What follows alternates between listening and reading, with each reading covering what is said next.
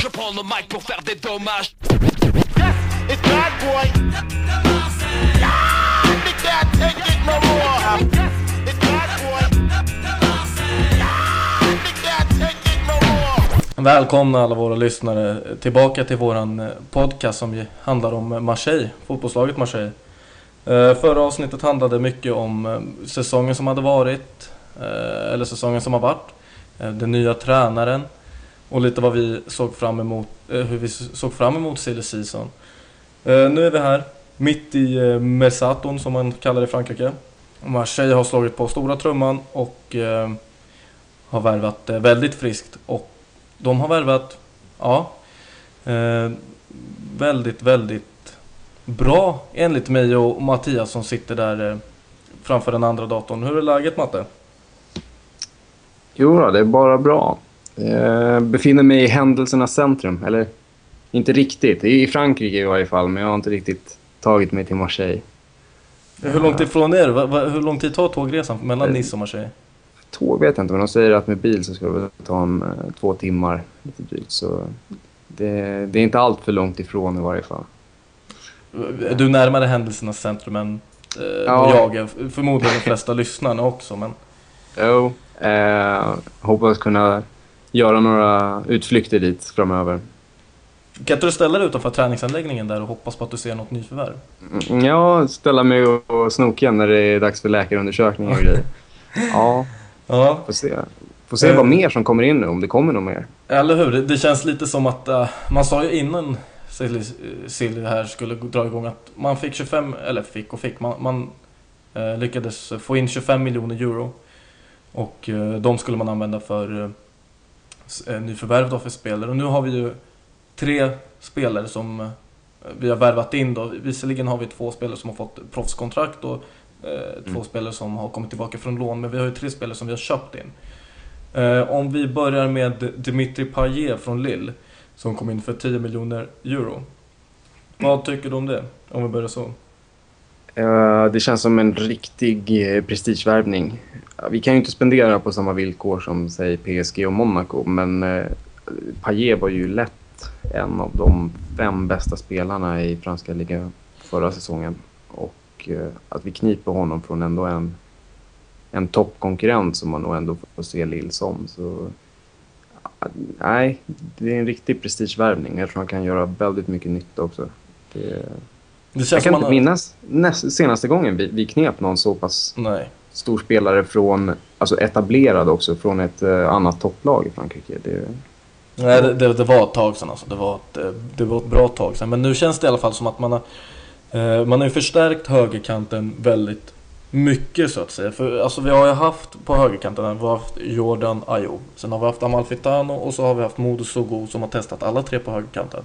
mm. Och de har ju inte direkt eh, briljerat, även om Sogo har liksom kommit in i slutet på matchen och varit helt okej. Eh, Mm. De har ju inte varit dåliga, det har de inte. Men de har ju inte varit liksom den nivån som man vill att de ska vara på. Så då Nej, känns det ju som en värvning av Payet. Det var, alltså, det var perfekt. Det var, den sitter liksom där den ska sitta, den värvningen. jo. Ja, det fanns ju en, en lucka att, fylla. känns som vi sitter på väldigt många truppspelare nu, eller vad, vad, vad känner du? Det, med Payet, det känns som att startelvan kommer vara ganska spikad och de här Amalfitano, Sogo, Kadir, det... Ja, men det, alltså bänken, om, om vi ser tillbaka på typ förra säsongen, eller förra säsongen i början där, då var ju bänken väldigt, väldigt, eller hela truppen var ju tunn i sig. Vi hade ju väldigt många ungdomar på bänken som knappt hade någon match. Eh, hade något matchtempo överhuvudtaget, eller så A-lagstempo i kroppen. Nu är det ju ändå, som du sa, vi har ju Kadir, förmodligen så kommer det bli så att Amalfitano, Sogo och eh, Jordan Ayew startar på bänken och Payet hoppar in där direkt i startelvan. Mm. Eh, Så offensivt lagt är det ju, eh, ja alltså, jäkligt starkt. Det är inte Paris starkt. Eh, Så, så mycket kan vi inte konkurrera men det är ju absolut topp tre Mm. offensivt, det är det. Jo, helt klart. Det är... Men är frågan om alla kommer hålla sig nöjda med bristande speltid och hur, hur väl man finner sig i sin roll i laget om man säger så. Jag tänker på en kille som Amalfitano Ja, som ja. ändå varit van vid att få mycket speltid. Ja precis, han har ju varit van idag så han har ju inte haft någon konkurrens alls där ute. Jordan Ajov har ju varit ja, Mm. alltså lite till och från där men annars har ju inte Amalfit han har haft någon konkurrens. Eh, Nej. Men han ryktades ju bort eh, till eh, Premier League ett tag men det ser ju ut att... Ja, Spricka. både Fulham har ju visat mest intresse från England verkar det som. Och nu på sistone så är det mycket Olympiakos-rykten också. Eh, Men han verkar ju vara rätt kinkig med om han ska byta klubb. Han, eh, han vill ju inte bara kasta sig iväg på första bästa utan han, han eh, drar sig lite för att lämna verkar det som. Ja, jo absolut. Men om vi ser till övergångssumman på Payet. Mm. Eh, ligger på eh, ungefär i alla fall 10 miljoner euro. Det är vad det har ryktats om. Man har inte fått, givetvis har man inget officiellt där från Marseille. Eh, men en avgångssumma på 10 miljoner euro för en 26-åring. Som, eh, han har ju levererat, både i Saint-Étienne och i Lille. Mm. Eh, och sen även i Nantes innan Saint-Étienne. Men, eh, vad tycker, alltså är det en rimlig summa? Alltså, kolla nu om vi tittar på dagens fotboll. Det är så här summor för, ja. Jag vill inte ens nämna, man blir skräckslagen bara man nämner för, vad, vad vissa går för. Liksom. Men nu 10 miljoner, det känns ju ändå helt OK för en spelare som Paille. Absolut. Jag tycker det är, det är en rimlig summa som vi får han för. Ehm, nästan lite förvånad över att han inte var dyrare. Jag menar, han har ändå landslagsmeriter och ehm, som du säger så har han levererat under en, en ganska lång tid. Om man kollar på i början av transfern ryktades det ju mycket om Alessandrini. Men han har ju å andra sidan bara presterat ett halvår i högsta divisionen. Eh, innan dess var han ju i andra divisionen. Visserligen var det ett bra halvår, men sen så var han ju skadad därefter sex månader. Mm. Och det pratades om summor som, ja, i, i den här Payet-trakten. Ja. Om man, om man sätter det i förhållande så känns det ju som att eh, det hade varit väldigt eh, mycket mer gambling än vad Payet är. För Payet känns som en Precis. spelare som man vet vad man får. Och jag tycker nog 10 miljoner, det känns rimligt helt klart. Payet känns mer stabil än vad uh, Alessandrini gör. I alla fall om man ser liksom till säsongen och hur länge de har presterat. Jo, helt klart. Helt klart. Samma gäller Tauvin som också ryktades in. Eh, fortfarande ryktas in till viss grad. Eh, men han menar, han, han är ung. Eh, visat upp ett ganska oproffsigt beteende på sistone och det är frågan om man skulle kunna gambla och slänga ut de pengarna på honom också. Vi har ju redan haft en sån spelare, eller vi har ju haft flera sådana spelare, men den senaste i raden det har väl varit ändå eh, Benarfa där som... Mm. Jag tänkte precis på honom också faktiskt. det, ja, man, man skulle inte vilja se att det upprepade sig. Nu är i alla fall Benarfa inte kvar hos oss och eh, Tauvin, ja i och med att hans eh, eh, beteende så är det väl inte en sån där spelare som man vill ska komma in till oss. Eh, så då är, det, då är det i alla fall bra att vi har fått in en spelare som verkar ha bra arbetsmoral som Dimitri Payet. Och om ni vill läsa mer om Dimitri Payet kan ni göra det på Svenska fans där eh, vi har en eh, artikel som heter Nygänget och han är nummer ett faktiskt. Eh, och där kan ni läsa lite mer om Ja, hur det har sett ut för han tidigare i, i karriären och liknande. Men Marseille har ju även, kan man säga snott Benjamin Mendy från Lyon? Kan man säga det? Jag vet inte riktigt. De där rapporterna med att han skulle varit klar för Lyon. Eh,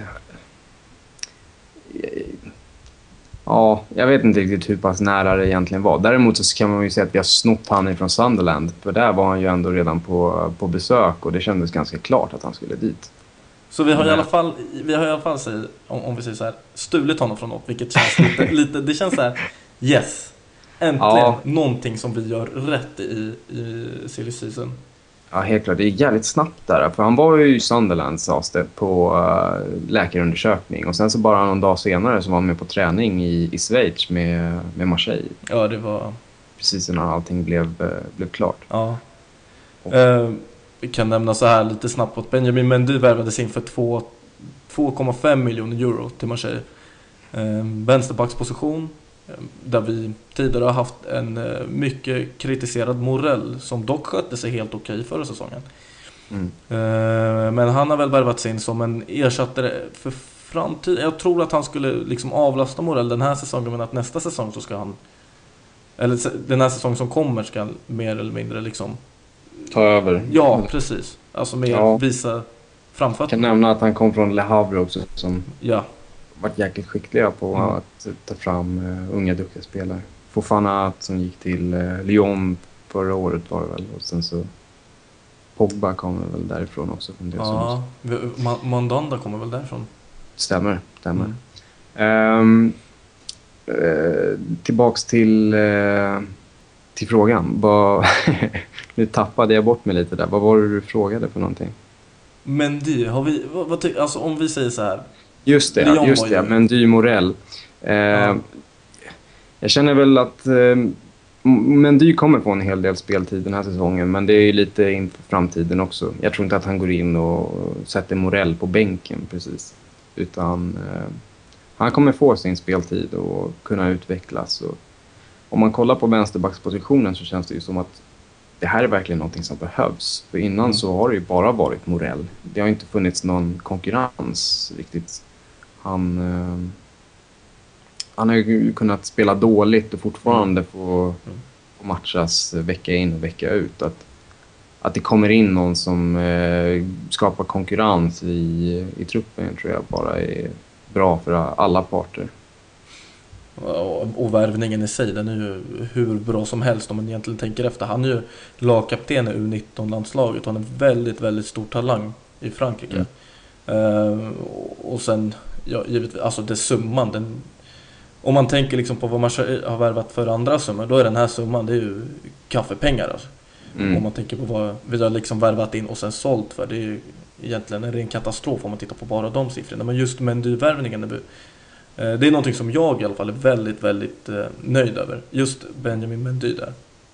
Jo, eh, om man sätter det i förhållande till andra värvningar så självklart. Och det känns som en värvning som kommer kunna betala för sig själv tio gånger om nästan. Kanske inte riktigt så då, men... men Man vet eh, aldrig. var, Nej, man vet aldrig. Det var en riktigt bra värvning. Eh, känns som ett kap. Mm. Som du säger, han presterar bra även i ungdomslandslagen. Och, eh, han gjorde väl debut i U17 tror jag. Och eh, sen så har han hängt med sen dess och nu är han kapten. Så, ja, jag ser fram emot att se han spela. Jag, kommer ju in lite på träningsmatcherna framöver men jag är mycket nöjd över vad jag såg tidigare. Mm. Eh, och om ni vill läsa mer om eh, Benjamin Mendy så kan ni göra det även där på Svenska fans. Eh, och han är ny i gänget nummer två. Eh, och där står det även lite om, eh, om Mendys bakgrund och liknande. Och eh, ja, lite, lite samma info som det står om Payet då. Eh, ja, nästa spelare Mattias. Det är bara att mata på här. Ja, ja, hur känns det? Det, det här var, vi, vi talade innan silly season. Det, det här var en av dina sp- favoritspelare som du, du verkligen ville se i Marseille. Ja, det känns verkligen som det behövdes. Det behövdes en föryngring på, på centrala mittfältet. Vi, vi nämnde honom inte vid namn riktigt ännu va? Nej? Uh, Imbula. Imbula. Ja, det... ja, det känns toppen faktiskt. Det, känns, det, det var liksom pricken över i över den, den här eh, Ja, det ryktades ju lite tidigt om att vi kollar på honom, men sen var det ganska tyst där också. Tills, eh, ja, bara början på den här veckan, eh, nu när vi spelar in då, så nu är det fredag och det var väl i, i måndags som det började nystas lite i tidningarna och sen så gick det ganska snabbt. Nej, men det känns eh, jättebra faktiskt. Det är precis vad vi behövde. Och eh, ja, Gianelli Imbula, han kom från eh, Guingamp eh, för, på, för en övergångssumma på 7,5 ja, Mm, det är väl det 7,5 som har miljoner euro. Ja, alltså, vi kan ju säga så här att Guingamp ville ha 9 miljoner euro. Mm. Men på något sätt, på något konstigt sätt har Marseille återigen för en gångs skull lyckats förhandla ner en spelares pris.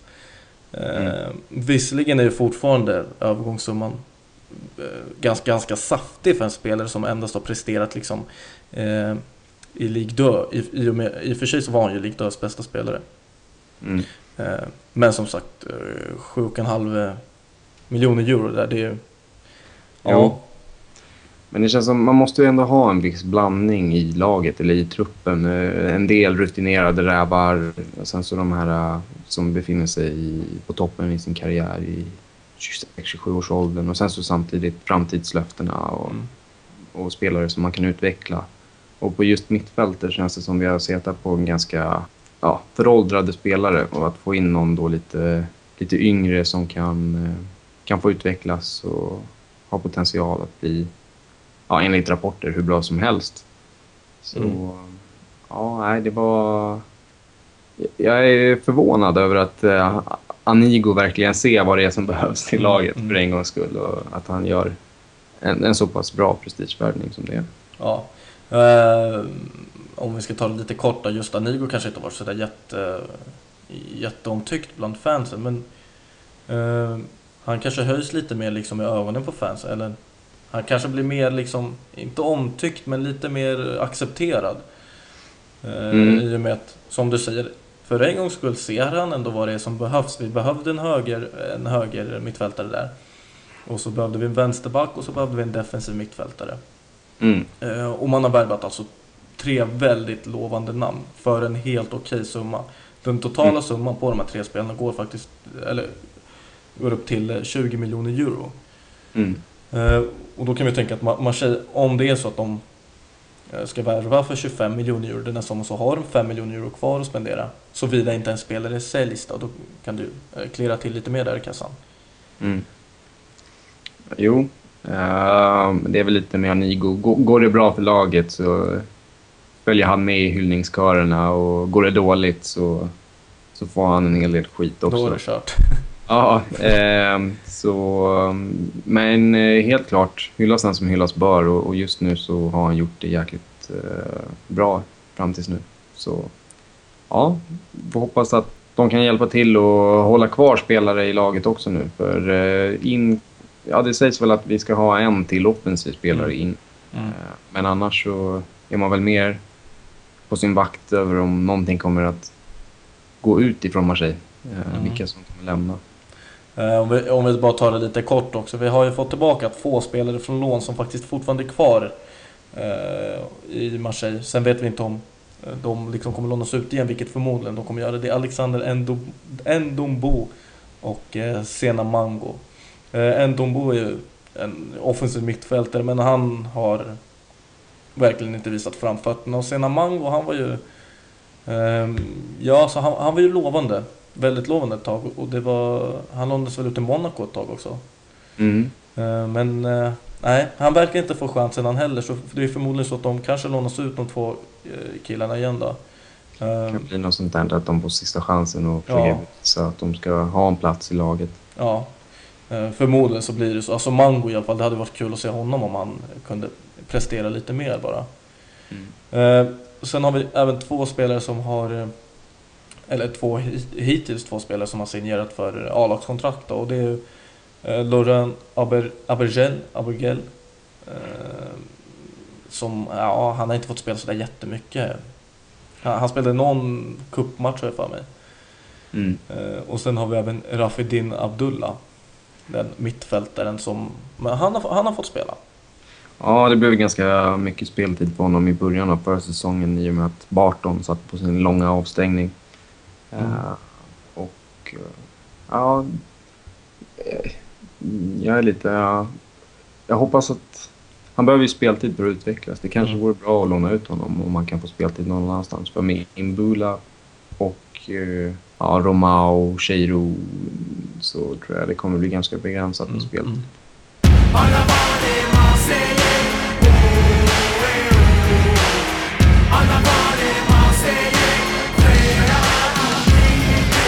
Då har vi talat om eh, nyförvärven som kommer in till oss, eller till oss till laget man säger då. Eh, och förhoppningsvis ska få oss fans att jubla lite mer nästa säsong. Men i och med att man har värvat in så är det väl också spelare som måste försvinna för truppen har blivit alldeles, eller på tok för stor alltså. Så det är ju först och främst Omrani. Den, eh, ja, den, den unga anfallaren. Han är inte så jätteung längre men den en gång lovande en gång lovande. yttern. Jag vet inte Ja. riktigt. Han, det känns som han har stagnerat en del. Det har han, absolut. För nu har han ju återigen blivit utlånad och den här gången till Arles Avignon i eh, Ligue 2 då, i, i Frankrike. Eh, så ja, han känns ju, alltså det är det är absolut sista chansen. Annars kommer de ju förmodligen inte, de kommer inte förlänga hans kontrakt annars. Det är, Nej, det blir väl som med Gadi i sådana fall. ja, Eh, Som också var, sades vara lovande. Jag minns när Bayern München var och ryckte i honom när han spelade i ungdomslag i Gadi och nu, jag menar... Han var utlånad till tredje divisionen och sen så släppte de honom nu. ja. Det, det, det är synd alltså, men de verkar inte ha tagit, eh, de har inte tagit det klivet som behövs för att eh, Marseille ska kunna eh, liksom ha dem i A-laget. Sen vet man ju inte att i framtiden kanske någon annan klubb tar dem och Mm. Eh, Där blomstrar de ut och blir värda 50 miljoner euro och vi sitter där och gråter i slutändan. men det... sen har vi Pappenbau Mm. som... Eh, ja, han har väl aldrig varit nära en plats i, i A-laget och Ja. han har avbrutit sitt kontrakt. Eh, han och Marseille kom överens om att avbryta kontraktet. Och sen har vi även Leite Ndiaye som har varit lite till och från där i truppen. Han är Mm. reservspelare helt enkelt. Alltså han har ju kommit in när det varit eh, väldigt många skador. Ja. Han var väl utlånad några sessioner där till Ja. Ajax när de spelade i andra divisionen. Mm. Han har ju varit i klubben väldigt länge, typ en av de som har varit där längst. Ja, Jag såg någon på forumet var det väl som skrev att han hade varit där i tio år. man har Ja. aldrig hört han klaga direkt alltså, över att eh, lite speltid eller något sånt. Det har inte varit något sånt där. Men sen kanske han vet själv att han inte är så pass bra att han skulle kunna slå sig in i, en, i dagens trupp i Marseille. Nej. Eller under de här tio åren, det vet man inte. Det är lite han själv som kanske känner. Han kanske tycker det är skönt att sitta där på, på läktaren med fet lön. Eh, vi har Najib Amari som även han eh, eh, inte fick en... Ja, Marseille hade en option att förlänga hans kontrakt men eh, de gjorde inte den. Och han hade en skadefylld säsong. Eh, den förra säsongen för han blev ju utlånad till Rouen men han spelade ingenting i med sin skada. Mm. Och sen har vi ju i och för sig Raspentino, alltså det känns ju... Ja, man värvade in honom och han sades vara en helt okej spelare som skulle kunna ta en plats i startelvan men han har inte ens fått chans, för han har inte fått en chans. Utan han har Nej. blivit utlånad direkt.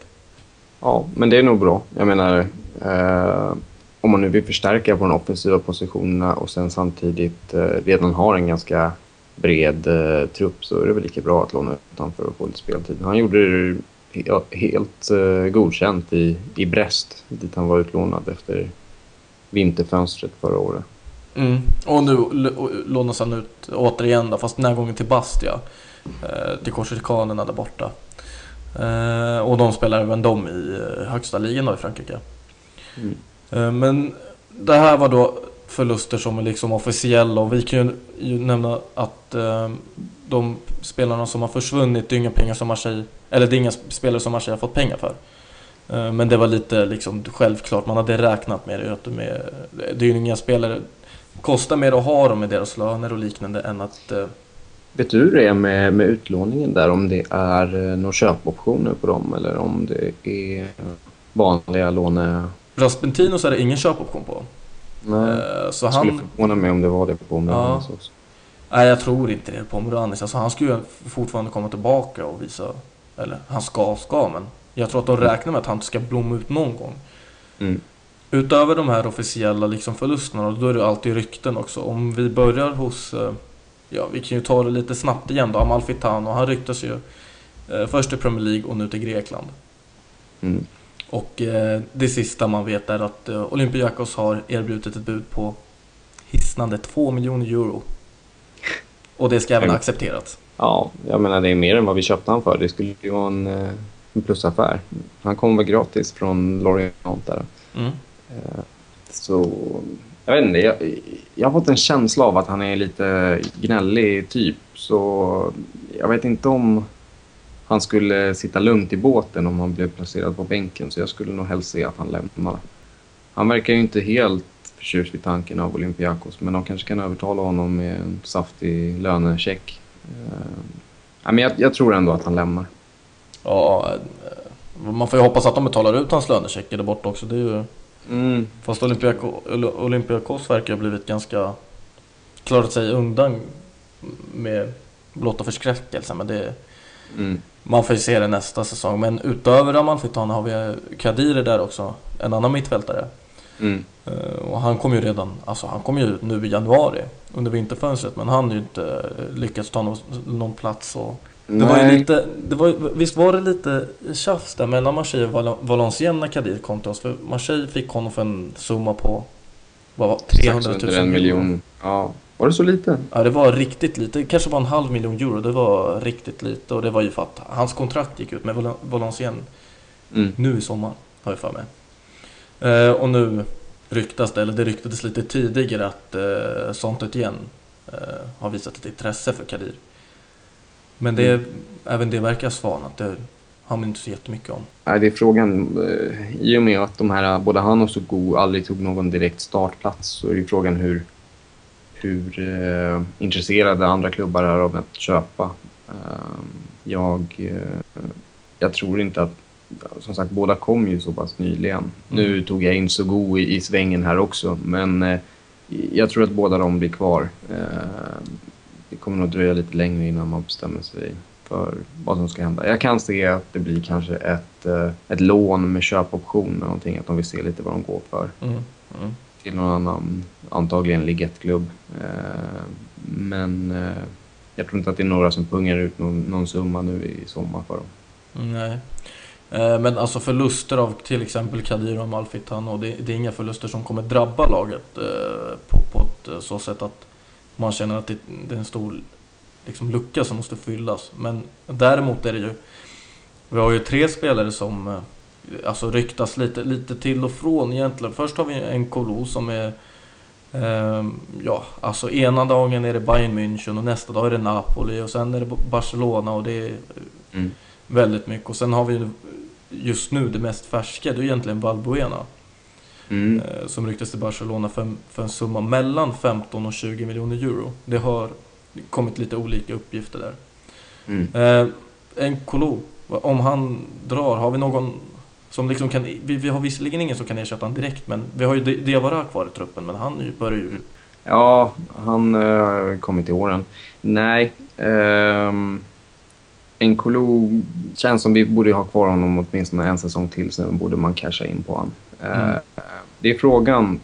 Barcelona har ju, om man följer de här eh, blaskorna i Aftonbladet och så, så kan man ju läsa att eh, de jagade Thiago Silva och jag vet inte om de nosade på han Marquinhos som, som PSG värvade nu också.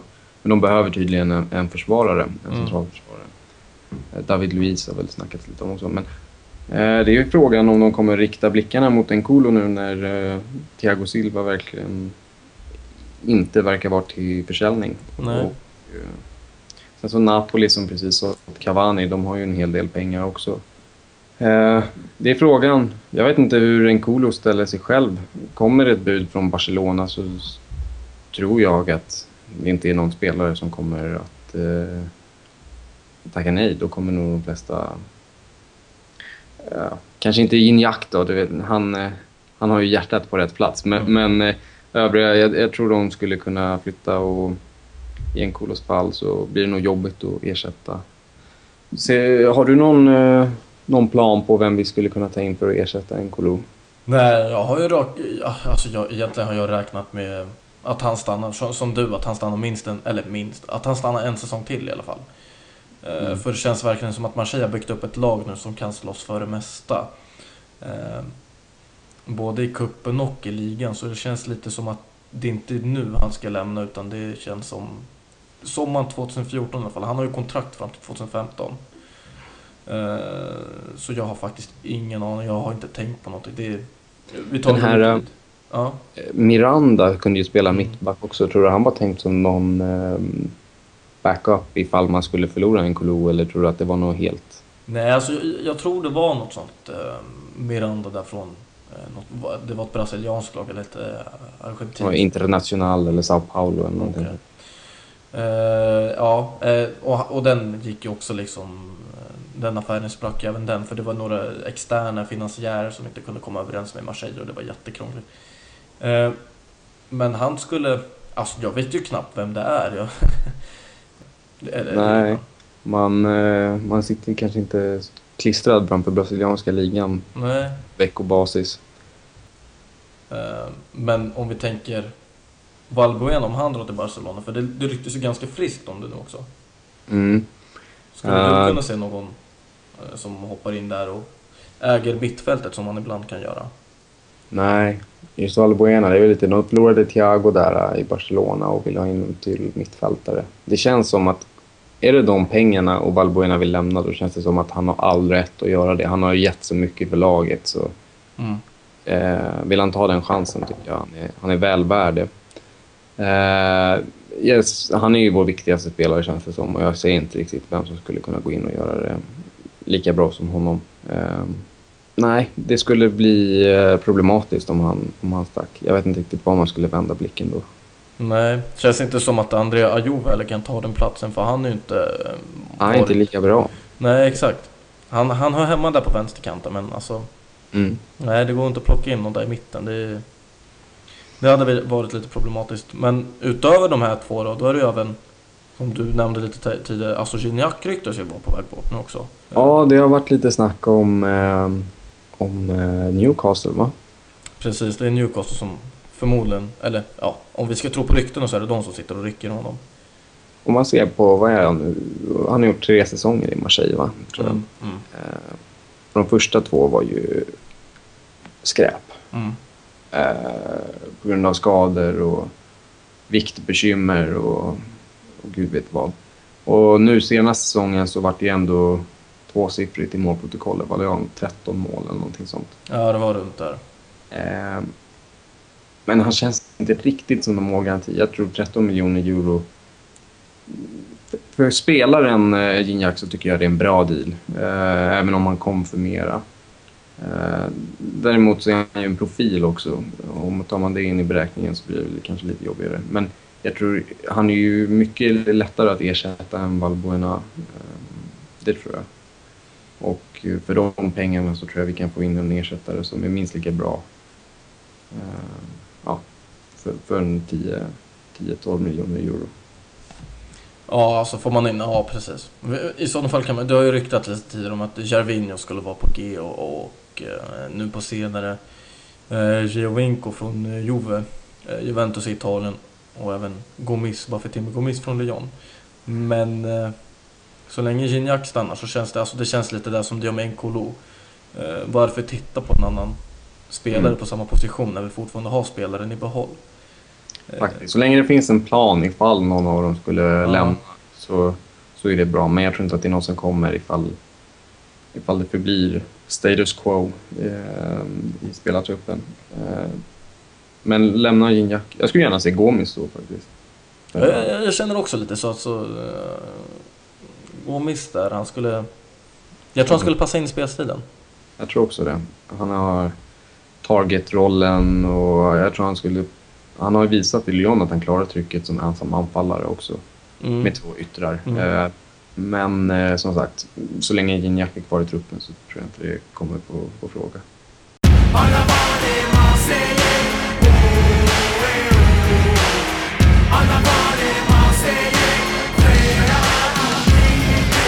Vill ni läsa mer om, eh, om Marseilles rykte, eller rykten kring Marseille och spelarförsäljningar och, och eh, nyförvärv? Det kanske inte blir så jättemycket nyförvärv nu i och med att man har värvat, ja man nästan har värvat klart men i alla fall rykten ut, då kan ni göra det där på våran eh, sida på Svenska fans då.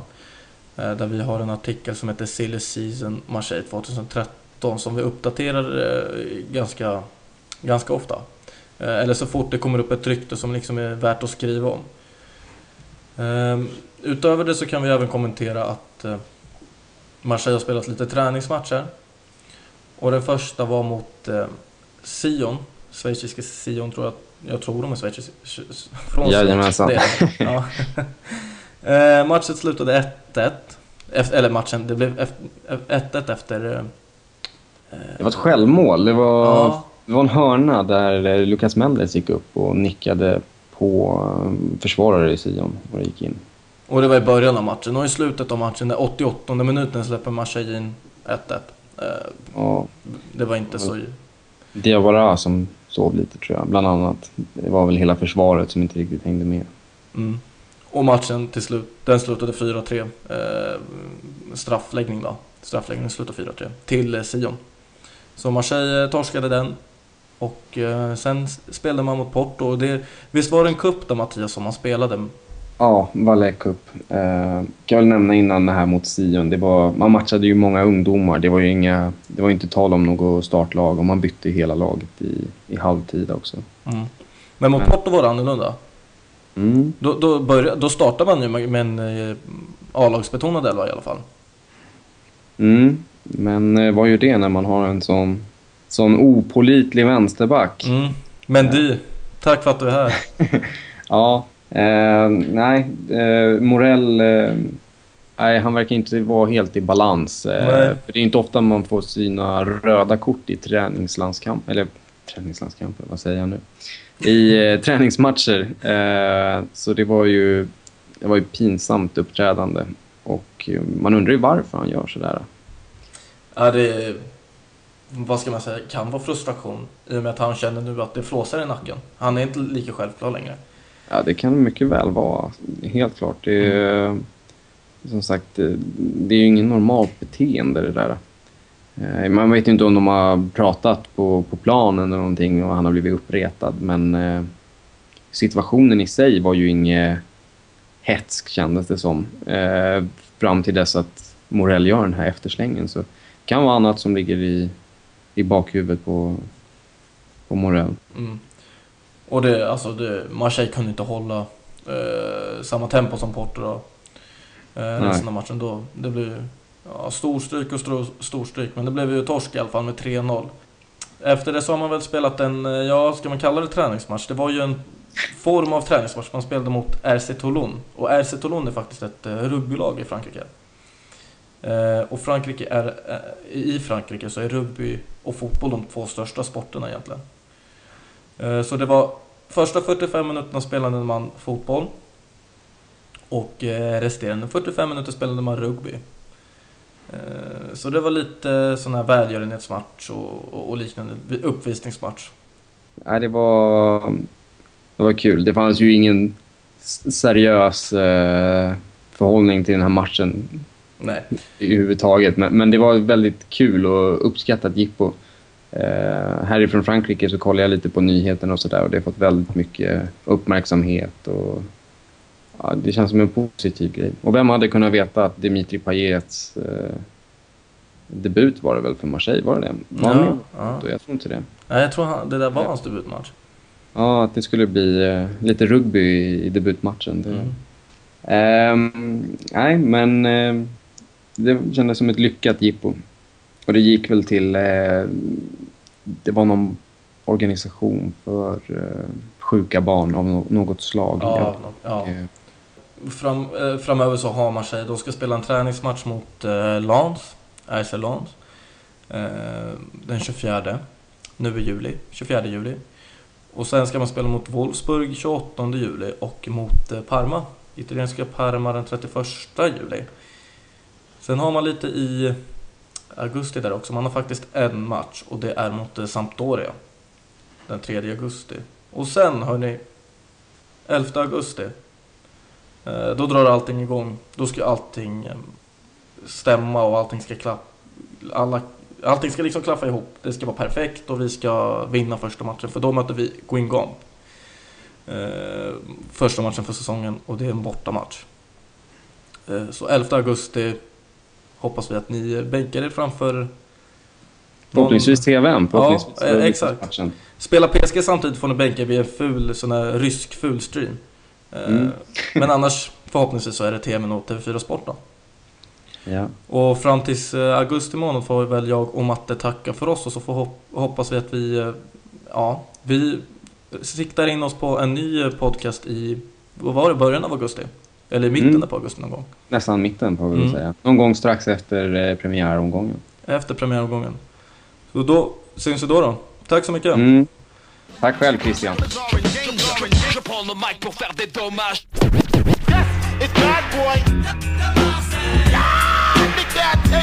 Yes,